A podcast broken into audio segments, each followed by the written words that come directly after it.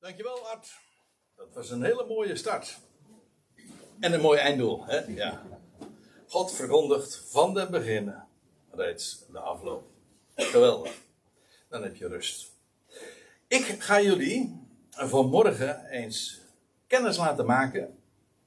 Het zal voor velen inderdaad een kennismaking zijn, want ik heb al eventjes vooronderzoek gedaan. En toen is mij gebleken dat de kennis over deze persoon maar heel minimaal blijkt te zijn. Dus uh, het lijkt me helemaal geen overbodige luxe om, het, uh, om eens uh, over deze Apollos te spreken. Apollos, laat ik, voordat we naar handelingen 18 toegaan, want dat is de passage die ik met name dan wil bespreken, eerst eventjes een, kort de context geven, de, een voorgeschiedenis. Kijk, het verhaal is deze, je vindt het dus in handelingen 18. We praten over het jaar 51, plus minus, eventueel 52 van onze jaartelling. Dat weten we nogal nauwkeurig. Ik heb nog niet zo lang geleden daar uh, over de chronologie van het Nieuwe Testament een, uh, een, korte serie gegeven. En toen heb ik dat ook, ik denk, aangetoond.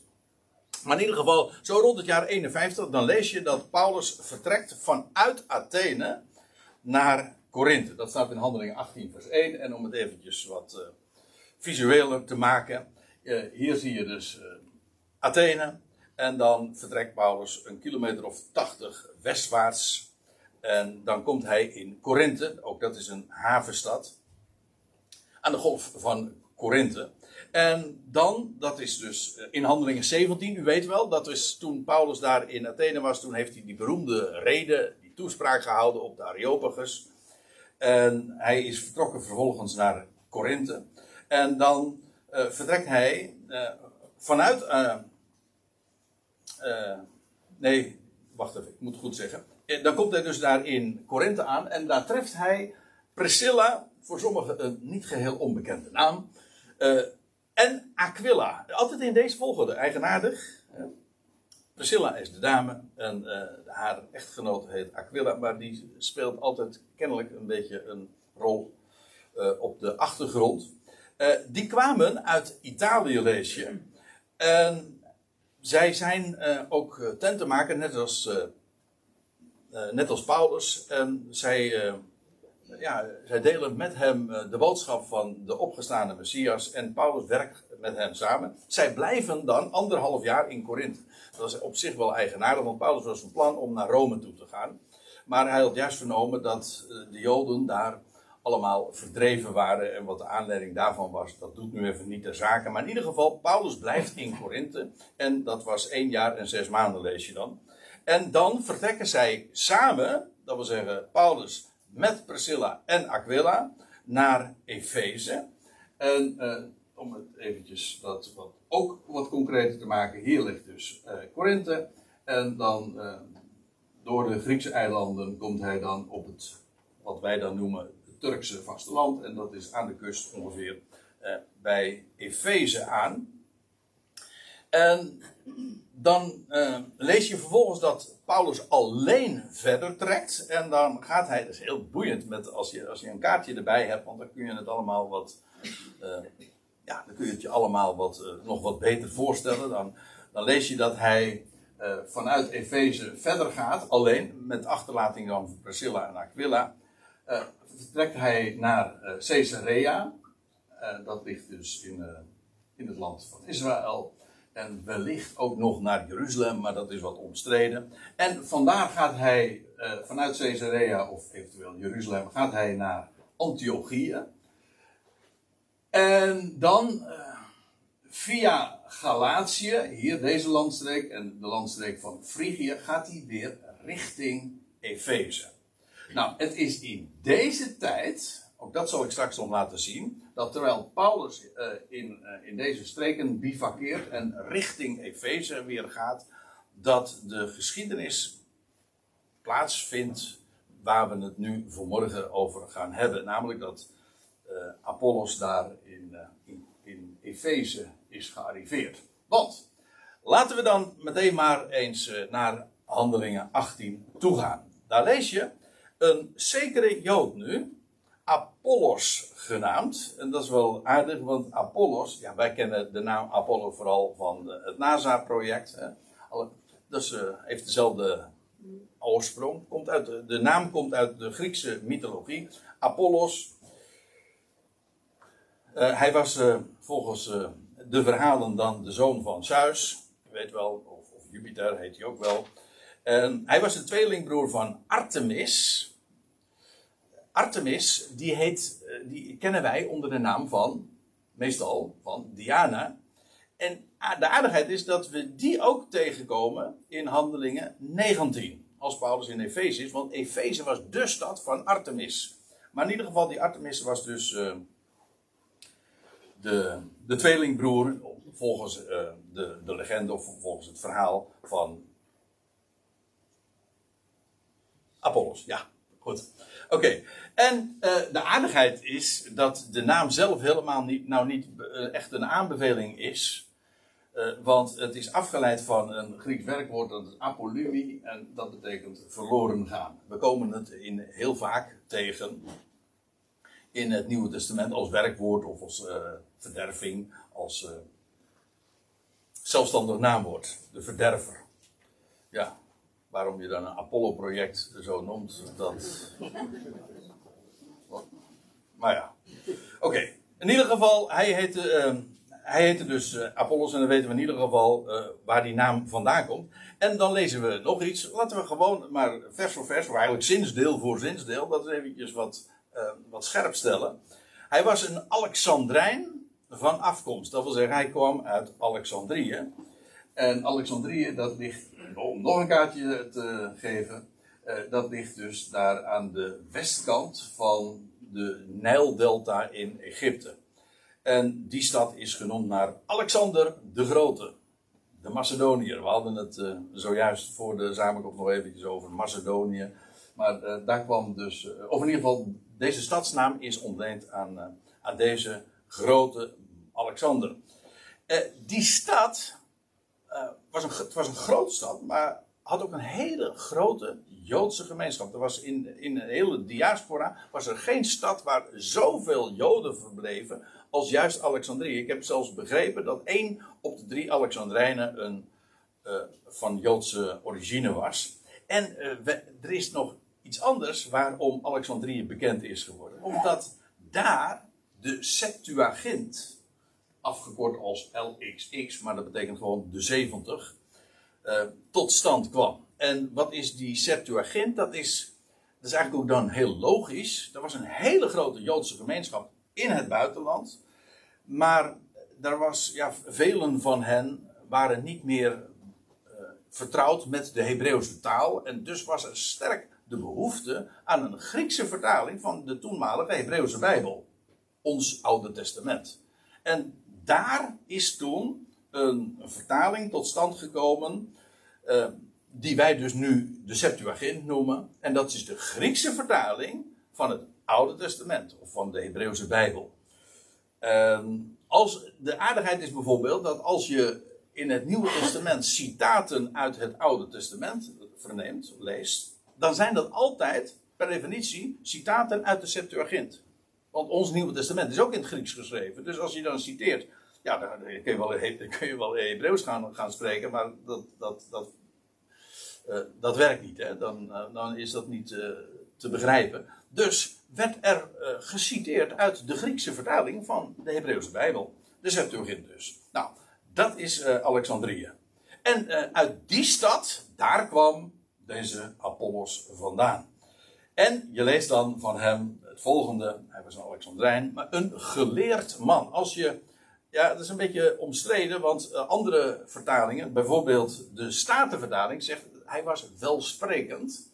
Het, het Grieks, eh, zegt dus geleerd. Het heeft te maken met het woordje logios. En dat betekent, hij was vertrouwd met het woord. En dat kun je dan, ja, dat kun je opvatten als iemand die eh, erg veel gelezen had, belezen, eh, gevormd door woorden. Maar je kunt het ook opvatten, hij was machtig om de dingen naar voren te brengen. Dus eh, ja, het wordt dus uh, verschillend uh, uitgelegd. Een geleerd man. Uh, hij was in ieder geval heel geleerd. Dat, dat, zullen we straks ook nog wel zien. En vermoedelijk ook welsprekend. Dus het feit dat de, de vertalers wat hier kennelijk in dubio staan, is niet zo gek. Ik denk dat beide toepassingen op hem, of beide begrippen op hem van toepassing zijn. Hij was dus geleerd, eventueel een welsprekend man. Hij arriveerde in Efeze, kennelijk vanuit Alexandrië. Dat wordt gesuggereerd. En hij was, staat er, machtig in de schriften. Ja, in het Grieks staat daar het woordje dynatos, waar ons woordje dynamiek en zo vandaan komt dynamiet ook. En dat betekent machtig of vermogend. En begeven zegt, hij was doorkneed in de schriften. Hij was, hij kende de schriften kennelijk op zijn duimpje. Hij wist waar de dingen stonden. Hij kende de verbanden. Hij wist dondersgoed, om zo te zeggen, waar hij het over had als hij de schriften opende. Hij was machtig in de schriften. En dan lees je van hem, hij was deze, dat is die Apollos dus, hij was onderricht. Uh, hij was, hier staat een, een, Grieks woordje, trouwens, wat, waar ons woord catechese van afgeleid is, catechisatie. Uh, hij was onderricht in de weg van de Heer. En die uitdrukking moeten we eventjes goed begrijpen, want die uitdrukking, doordat het zo geformuleerd wordt, hij was onderricht in de weg van de Heer, ja, maar dat is uh, een term of een manier van zeggen die heel bekend is in het boek Handelingen. Het is namelijk ontleend aan de bediening van Johannes de Doper. Johannes de Doper, die ooit kort voor het optreden van Jezus, het publieke optreden van Jezus begon. Um, en van hem lees je dat hij, nou laat ik het maar gewoon uh, ook uh, maar weergeven. Eh, in Marcus, maar het wordt op diverse plaatsen gezegd dat zijn, als, als zijn, het optreden van,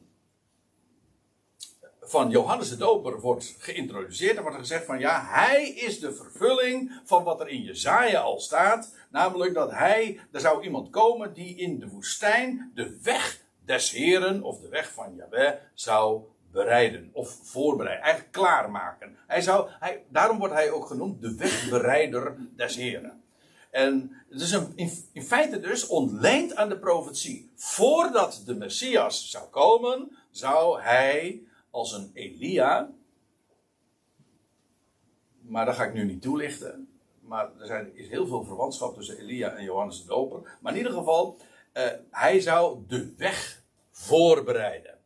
En dat stond al in, uh, in uh, Jezaja zo voorzegd. En Johannes is daarvan de vervulling. En dan nog iets.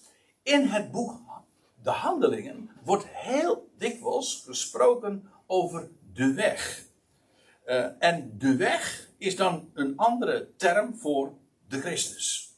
In feite zijn het synonieme begrippen. Ook wat niet zo gek is, want de Messias, de Heer heeft zich ook inderdaad gepresenteerd als de weg, de waarheid en het leven. Maar ook die term, de weg, eh, heeft daar alles mee te maken. Laat ik maar een, paar voorbeelden geven, om het iets uh, concreter nog te maken. Je leest in Handelingen 9 over Saulus van Tarsus, dat hij uh, overal op zoek ging. Hij was de vervolger van de Ecclesia. En als hij mannen en vrouwen die van de weg waren, zou vinden, zou hij hen gevangen naar Jeruzalem brengen mensen, mannen en vrouwen die van de weg waren. Uh, wij, het klinkt haast als van die, die van het padje waren. Nee, nee, nee. Van het padje af. Nee, ze, waren, het waren mensen van de weg. Zo, zo kennelijk benoemden zij zichzelf. en later in de handelingen 19, lees je uh, dat, dat, staat, dat vindt dan ook plaats in, Athene, pardon, in Efeze. En omstreeks dat tijdstip ontstond er geen geringe opschudding in zaken de weg. Eigenlijk moet zou het tussen aanhalingstekens geplaatst moeten worden. zo werd dat genoemd. De weg. En dan gaat het over de Messias.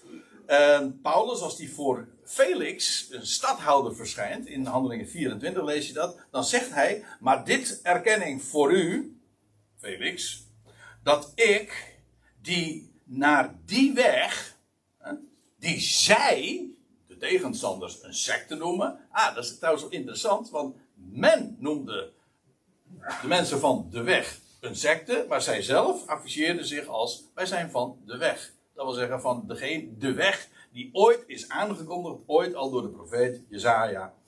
En, uh, en die, door, die weg die is bereid door Johannes de Doper. De weg die zij een secte noemen, inderdaad, de God der vaderen vereer ik, gelovende al hetgeen in de wet en de profeten geschreven staat. En in de profeten wordt dit voorzegd en vandaar dat wij van de weg zijn. En dan lees je van die Felix, even later in datzelfde hoofdstuk nog. Maar Felix, die stadhouder dus, die zeer goed van de weg op de hoogte was, verdaagde hun zaak.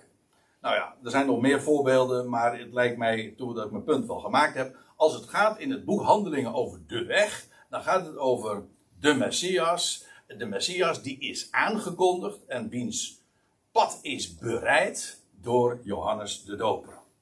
Oké, nou. Uh, hij was, deze Apollos, weten we niet nog, hij kwam dus uit Alexandrië. En hij was onderricht in de weg van de Heer. En dus hij was op de hoogte van de doop van Johannes. Dat zeg ik expres zo, omdat het later gewoon expliciet zo uh, wordt uh, bevestigd. En dan staat erbij, en vurig in de geest sprak en onderwees hij nauwkeurig. Nou, dat vind ik wel een hele mooie, maar ik moet er ook bij zeggen, een zeldzame combinatie. Vurig van geest, uh, heel, uh, wij zouden zeggen geestdriftig of uh, begeisterd, hè, dat is dan een Duits. En, ehm, en, maar ook nauwkeurig, met precisie. Hij, hij kende, hè, hij was doorkneed, machtig in de schriften. En, en hij, hij onderwees ook. En, en aangezien hij geleerd was, maar ook hij, hij, kon de dingen geweldig onder woorden brengen. En uh, het is heel interessant dat het woordje vurig, vurig zijnde, letterlijk staat daar in het Grieks uh, seo, dat betekent eigenlijk uh, kokend. En dat vind ik heel erg mooi. je leest van de, van de, La, van de Laodiceërs wordt gezegd, ze waren koud nog heet. Hè? Maar het gaat er juist om. Deze, deze Apollos was, het kookte. En je, ik vind het een prachtige beeld uh, om aan te geven van uh, die man dat, ja, het was bruisend. Dat krijg je ook, hè. Als het kookt, dan gaat het bruisen. Hij was vurig en hij was nauwkeurig, exact, zorgvuldig. En hij combineerde dat met, met enthousiasme. Heel vaak is het zo dat enthousiasme uh, weer ten koste, vaak dat is dan weer, gaat ten koste dan weer van de nauwkeurigheid. Je bent dan zo uh, verrukt over de dingen die je te vertellen hebt. Maar dan moet de accuratesse er soms wel eens een klein, een klein, beetje aan gaan geloven. Maar van hem lees je dus deze, deze combinatie. Hij was vurig in de geest. En hij sprak en onderwees nauwkeurig de dingen omtrent Jezus. Um, dat wil zeggen, de dingen die in Jezus vervuld zouden worden. Eh, ik zeg het expres zo, want hij wist, hij was namelijk eh, nog niet geüpdate. Want, dan staat erbij, alleen op de hoogte zijnde van de doop van Johannes.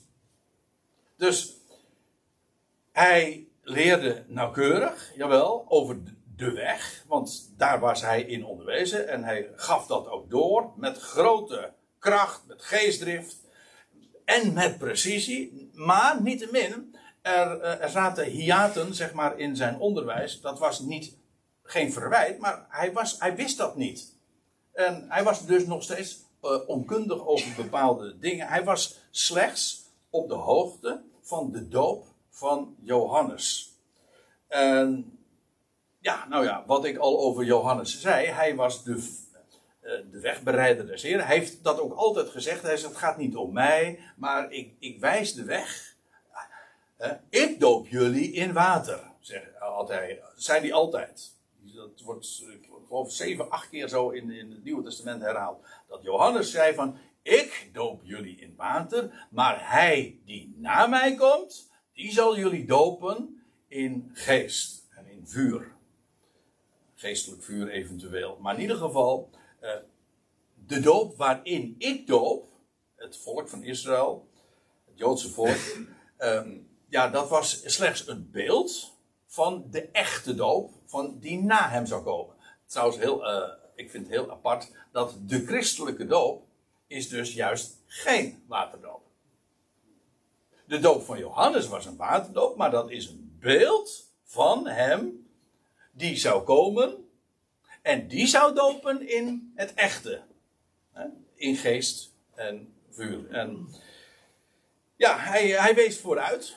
En hij, het komt, je leest in Johannes ook, in, uh, in Johannes Evangelie, dat hij op een gegeven ogenblik wijst, midden in de schade, zie het lam gods, dat de zonde der wereld wegneemt. Het was zijn achterneef, of ja, nou ja, in ieder geval tussen, je leest dat Maria, de moeder van Jezus, was dus een nicht van Elisabeth, de moeder van Johannes de Doper. Dus het was familie. De een kwam trouwens uit de stam van Juda en de andere uit de stam van Levi, maar dat is uh, heel interessant, hè? Koninklijke, de priestelijke lijn. Maar in ieder geval, uh, hij was. Uh, op een gegeven moment komt Jezus ook en die wil gedoopt worden door Johannes. En Johannes wil daarvan afzien. En zegt van nee, dat is een omkering van zaken. Maar Jezus staat erop dat hij dan gedoopt wordt door Johannes. Maar Johannes heeft dus de hele tijd gewezen op hem die zou komen. En hij heeft ook op de naam gewezen. Wie het zou zijn. Johannes stond trouwens in groot aanzien bij het volk. En zelfs de schriftgeleerden en de, de, de elite, de, de religieuze elite, zeg maar, in die dagen, die wilden, die durfden geen kwalijk woord over Johannes zeggen. Maar goed, Apollos was dus uh, op, wist, wist van Jezus. Daar gaf hij onderwijs over. Maar hij wist verder uh, niet alles. En wat hij er precies van geweten heeft, weet ik niet. Maar hij was in ieder geval slechts uh, gedeeltelijk of fragmentarisch op de hoogte van de vervulling. En dan lees je in vers 26, en deze, Apollos dus, begon vrijmoedig op te treden. Ik, je, je ziet het haast voor je, wat, wat er van hem gezegd wordt. Uh, in het Grieks vind ik, vind ik een mooi woord. Pares, dat Griekse woord voor vrijmoedig, dat wil eigenlijk zeggen dat par uh, heeft te maken met alles, en dat resia heeft te maken met, met stromen, met dat wat gezegd wordt. En dus eigenlijk vrijmoedig is iemand die alles zegt. Dat vind ik heel leuk, want zo gebruiken wij het ook. Iemand die vrijmoedig is, die is niet terughoudend, maar die meldt wat hij te vertellen heeft. Dat is vrijmoedig. Hoe was het ook alweer, Art, wat jij zei van over die, in de Zuiderkapel? Er waren dan predikanten die, die daar vrij waren om te zeggen wat ze te melden hadden. Ja, want ja, als je in een systeem zit, ja, dan moet je soms wel dan moet je over eieren lopen. Hè? Nou, dan ben je dus niet vrijmoedig. Als je over eieren moet lopen, dan ben je niet vrijmoedig. Vrijmoedig ben je wanneer je gewoon meldt wat je te melden hebt. Nou, deze, hij was dus ook, hij was dus niet alleen maar op de hoogte, hij was nauwkeurig, hij was geestdriftig, hij was geleerd, welsprekend, maar hij was ook vrijmoedig. Dat is een, een geweldig getuigenis, wordt zo in, in een paar eh, regels door Lucas hier opgetekend over deze Apollos. Hij begon vrijmoedig op te, te treden. Heb ik nog een, eh, een, een subtiele verrassing, want uh, ik heb wel eens bij een andere gelegenheid er ook op gewezen. Op uh, een Griekse werkwoordsvorm die wij niet kennen. En dat heet de medialis. Dat is de middenvorm. Kijk, wij, als wij een werkwoord gebruiken, dan doen, zeggen we het of actief of passief. je eet of je wordt gegeten. ja. Uh, het ene is actief en het andere is passief. Maar het Grieks heeft een middenvorm. Waar wat zowel actief als passiviteit uh, uitdrukt. En, en dat heet die medialis. En deze, dit vrijmoedig optreden, vrijmoedig te zijn, dat is, staat in de, in, de, uh, in de medialis. Dat wil zeggen, het is en passief en het is actief. Maar ik vind dat, ja, persoonlijk vind ik het prachtig, want het geeft namelijk aan, hij was, uh, hij was vrijmoedig, het, het overkwam je. Als je Kijk, als je geestdriftig bent en je, je, je ja, dat, doe je dat zelf? Nee, je, je, je, je bent begeisterd, zou ik maar zeggen. Dat is passief, het overkomt je, je bent gepakt, gegrepen door iets. Dat wil je vertellen. Dat is passief, het overkomt je. Ja, maar het, is, het maakt je actief. Dus eh, waardoor je inderdaad gaat bruisen, waardoor je gaat spreken. Dus ja, is dat vrijmoedig optreden, is dat nou is dat passief of is dat actief? Nou, wij kunnen dat niet eh, in onze taal zo uitdrukken, maar het Grieks wel. Het Grieks kan dat keurig uitdrukken en dat is, het was die mediale Hij was vrijmoedig, hij was vrijmoedig gemaakt, maar hij was zelf ook daardoor vrijmoedig. Snapt u? Nou, ik ga het verder nu uh, niet toelichten. Er zijn veel meer voorbeelden van. Maar hij begon vrijmoedig op te treden. Daar in de synagoge, moet zich realiseren. Daar was verder nog helemaal niet een, een, ecclesia van gelovigen. Later wel, dat, dat lees je dan in Handelingen 19, vers 9. Maar in dit stadium nog niet. Hij uh, trad op, het was een Jood. Hij trad daarop in de synagoge. En dan lees je, en toen Priscilla en Aquila hem hoorden. Ik vertelde het u al, Paulus was met Priscilla en Aquila naar Efeze gegaan. Vervolgens was Paulus verder gegaan. Caesarea, die had nog een hele reis gemaakt. Maar Priscilla en Aquila waren nog steeds in Efeze. En die maken kennis met deze Apollos. En zij horen hem spreken. En ze zullen ongetwijfeld ook onder de indruk geweest zijn van, van dat wat hij naar voren bracht. En ja, als zij dat hoorden, hebben zij en vernomen natuurlijk dat die man zeer uh, nauwkeurig sprak, maar ook dat hij zo geestdriftig was, maar ook hebben ze ongetwijfeld gemerkt van, hé, hey, maar een aantal dingen weet hij kennelijk nog niet. Nou, en dan lees je, en Priscilla en Aquila, die hoorden hem en ze namen hem tot zich. Ze hebben hem gewoon even apart genomen, want ze wilden hem graag dingen vertellen wat deze Apollos nog niet wist. En dan staat er, uh, toen Priscilla en Aquila hem hoorden, namen zij hem tot zich. Het is trouwens even, even heel terzijde. Uh, in, de, in het boek Handelingen heet het altijd Priscilla en Aquila. En als Paulus in zijn brieven hen benoemt, dan is het altijd Prisca en Aquila. Kennelijk was dat een koosnaampje. Dus uh, Lucas noemt hem bij Priscilla de voluit. En, de, en Paulus noemde haar altijd uh, Prisca. Oké. Een, uh, een klein beetje, maar het is wel interessant. Toen Priscilla en Aquila hem hoorden, namen ze hem tot zich en zetten hem de weg van God nauwkeuriger uit. Ja, uh, ze, dat, dat uiteenzetten wil zeggen, ze hebben hem tekst en uitleg gegeven. Ze hebben hem nader op de hoogte gesteld. Ze hebben hem ge geïnformeerd, geüpdate. hij wist, het was wel nauwkeurig wat hij zei, maar het was niet compleet. Het was niet volledig. En Priscilla en Aquila, die doen dat dan. Die zetten hem de weg van God. Heb je het weer? De weg van God. Hij, hij, was wel, hij was wel uh, deels op de hoogte van de weg, maar nog niet de hele weg, zeg maar. En zij zetten hem de weg van God nauwkeuriger uit. Dus Apollos was nauwkeurig. Hier wordt hetzelfde werkwoord gebruikt, alleen in de overtreffende trap. Uh, Apollos was nauwkeurig, maar Priscilla en Aquila, die maar zetten hem de weg van God nauwkeuriger uit. En, en kennelijk heeft ja, dat weten we zeker, want dat blijkt uit het vervolg, heeft Apollos dat met, met vreugde en leergierig als hij was, eh, in zich opgenomen. En ja, het, het, het, het, klopte allemaal. Prachtig zoals, dat, uh, zoals dit dan ook getekend wordt. Dus daar in de synagoge uh, vernemen Priscilla en Aquila dus van deze Apollos, maar hij wordt geüpdate. En dan lees je in vers 27. En toen hij zich beraadde door te gaan naar Achaïe. Dus hij wil daar niet in Efeze blijven, maar hij wilde vertrekken naar Achaïe. Zal ik u nog wel eens even wat vertellen, want daar dient, daar, het is mooi van een PowerPoint natuurlijk. Hè. Dan kan ik u. Dat de Achaïe, dat is, dat wat wij dan noemen de Peloponnesus. Dat is dat schiereiland van Griekenland met als hoofdstad Korinthe. Kijk, dit dit eiland, het is een bijna eiland, een schiereiland, heet uh, dus uh, de Peloponnesus en het noorden daarvan dat heet Achaïe. Je komt die naam heel dikwijls tegen in, in handelingen, maar ook in de brieven van Paulus. En de hoofdstad daarvan is Korinthe. En Paulus, of deze Apollos, hij was dus in Efeze. En hij wil naar Achaia toe. Precies waar Priscilla en Aquila vandaan kwamen. En dan lees je, eh, als hij zich beraadt, dus overweegt om daar eh, naartoe te gaan, dan moedigden de broeders hem aan.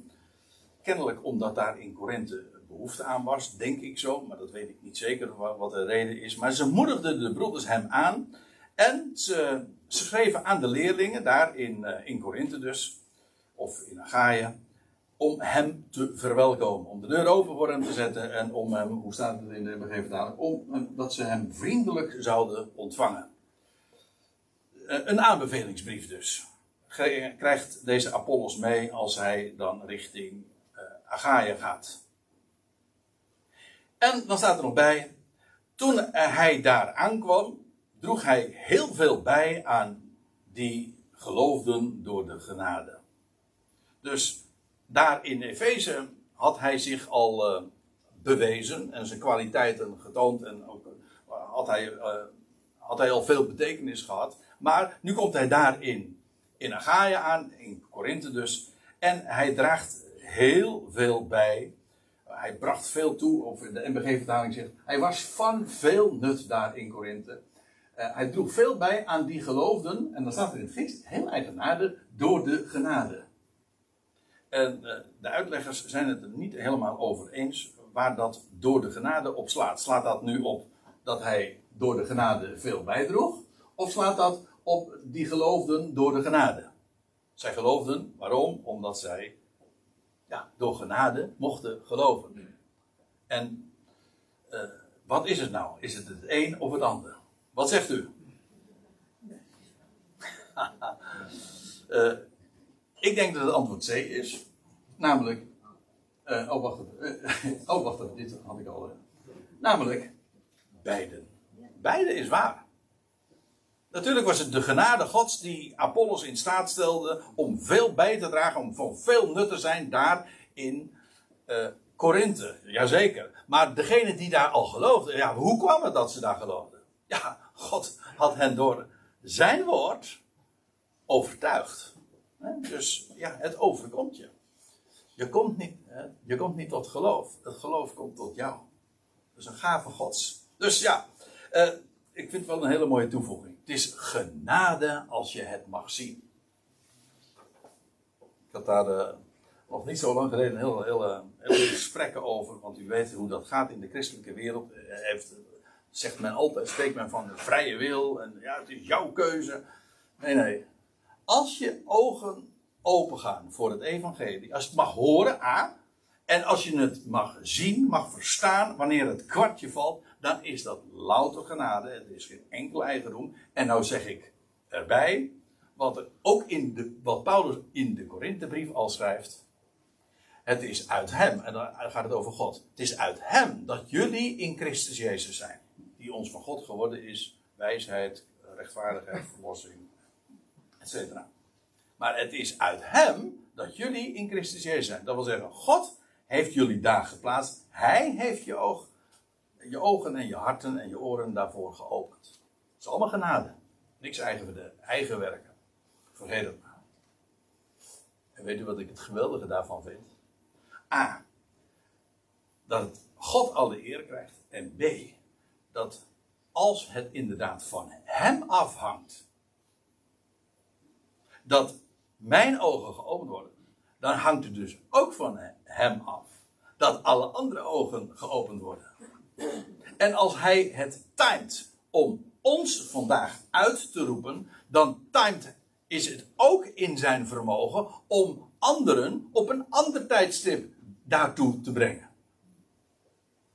En, ja, en dat maakt het evangelie tot zo'n geweldig goed bericht. Uh, het is een mededeling. God is groot. Hij roept nu mensen uit. En straks uh, opent hij alle ogen. Zodat allen uh, zullen zien. En allen ook zullen getuigen. Dan opent hij ook nog eens een keertje hun mond. Ja, dat overkomt je dan. En dan staat er nog bij uh, in vers 28.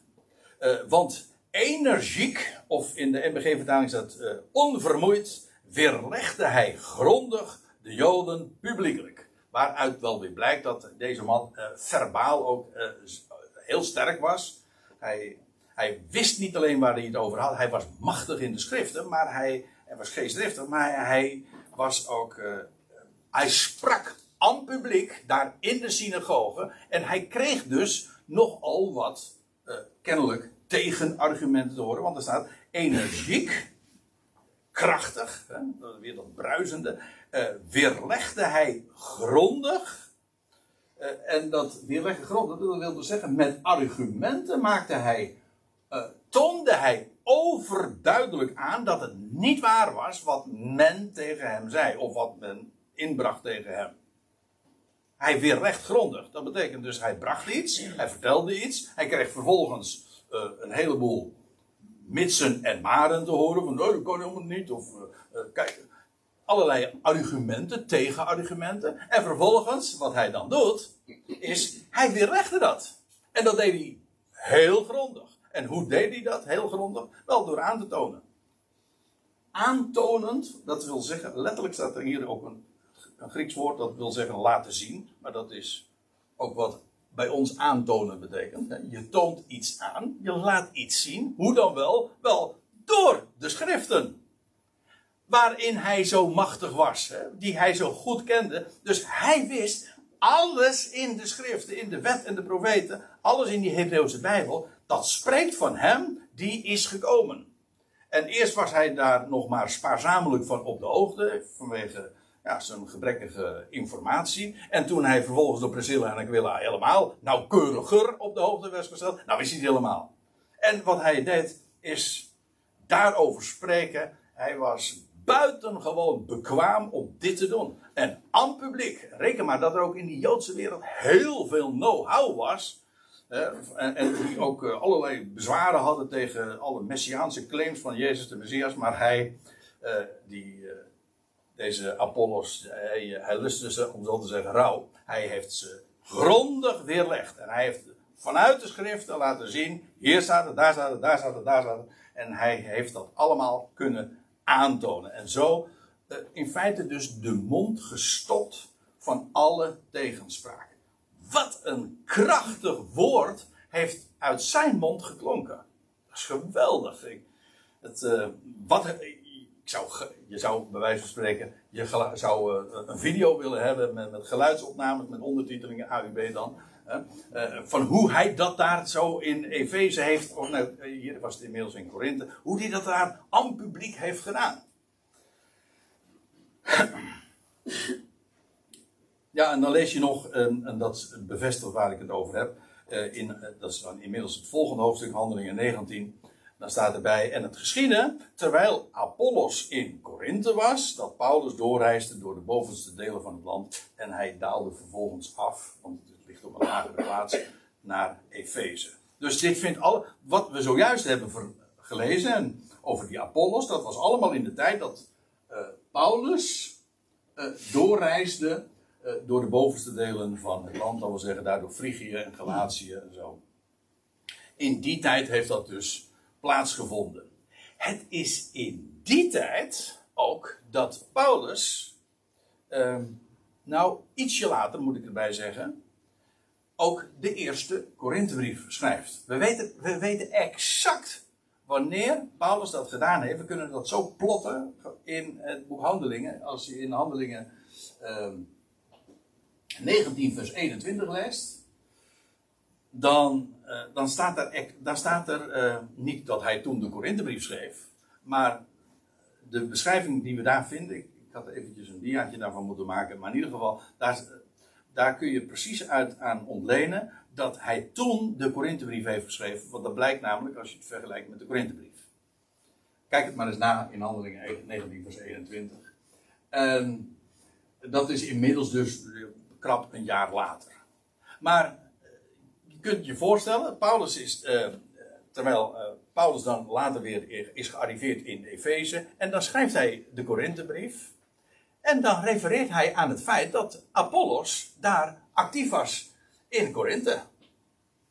Nou, dat is precies wat, niet alleen wat we in, uh, in de Korinthebrief lezen, maar dat is ook wat handelingen zegt. Dus het klopt precies. Paulus heeft ooit het woord gebracht daar in Korinthe. En Paulus is er weggegaan. En later is, uh, is Apollos daar gekomen. En die heeft, uh, de, heeft het werk van Paulus eigenlijk voortgezet. En de naam van Apollos komen we daarom vooral. Ja, en in handelingen tegen. Maar met name juist in, het, in de eerste Korinthebrief. En ik wil een paar voorbeelden geven. En die, daarmee wil ik dan ook afsluiten. In 1 Korinthe 1, vers 1. Dan, uh, Paulus was het een en ander aan ter oren gekomen. Uh, kijk, wij zijn, uh, we zijn geheiligd, dat schrijft Paulus ook in de, in de Korinthebrief, geheiligd, in Christus Jezus, volmaakt, gerechtvaardigd. Maar niks menselijks was hen vreemd. Want wat gebeurde er? Paulus had zijn hielen gelicht.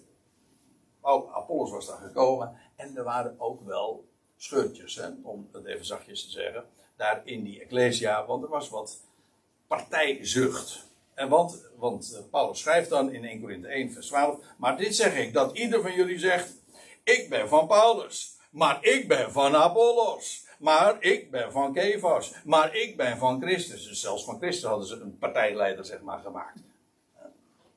En Paulus zegt dan: Is Christus soms gedeeld dan? Het, dit is iets wat je zo vaak. Uh, vindt, weet je, dat, dat, dat een menselijke arbeider uh, op een voetstuk gezet wordt. En dan, uh, en dan krijg je ook rivaliteiten. Die is beter. Of, of ze hebben wellicht gezegd. Ik kan me heel goed voorstellen. Uh, die Apollos. Die heeft veel meer in zijn.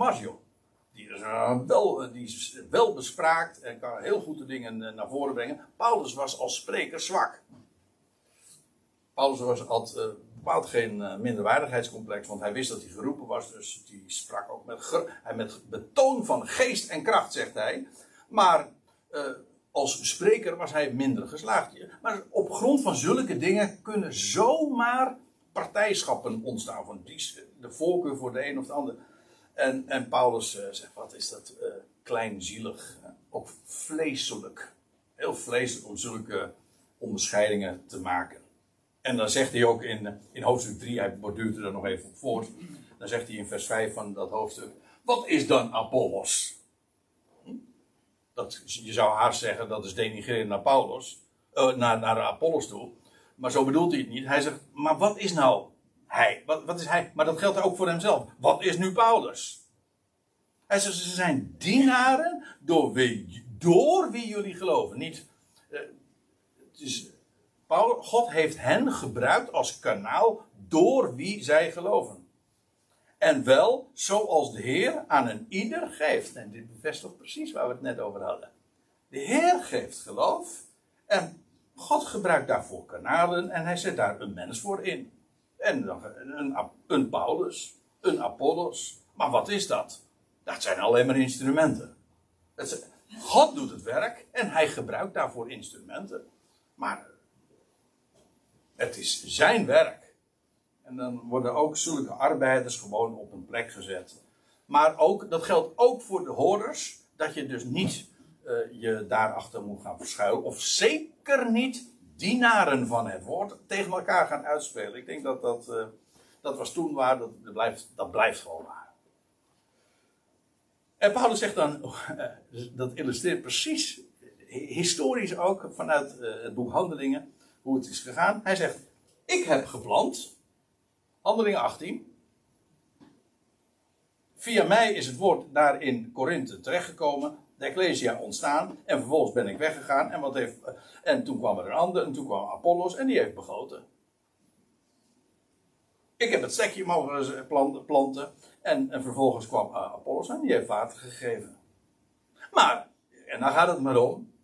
God gaf de wasdom. Hij doet groeien. En dat doet niet iemand die, die een stekje uh, plant. Of dat doet ook niet degene die, uh, die water geeft. Want het echte wonder is natuurlijk dat het daardoor gaat groeien. Maar dat doet geen mens hoor, kan ik u vertellen. Dat geldt, geldt al voor het simpele plantje. Maar dat geldt ook voor het geestelijke. Dat doet geen mens. Echt niet. En daarom zegt hij ook in, even later in 1 Korinthe 3. Daarom laat niemand roemen in mensen. Hij want het is allemaal van jullie. Dus ga niet, bepaalde dienaren die God toevallig inzet op hemel. Het zijn slechts instrumenten. Laat niemand van jullie roem in mensen. Het zij Paulus, het zij Apollos, het zij Kefas, dat is Petrus dus. Het zij wereld, het zij leven, het zij dood, het zijn tegenwoordige dingen, het zijn uitstaande dingen. Alles is van jullie. Denk groots. Ik bedoel, we hebben alles in hem. Ga niet zo zitten.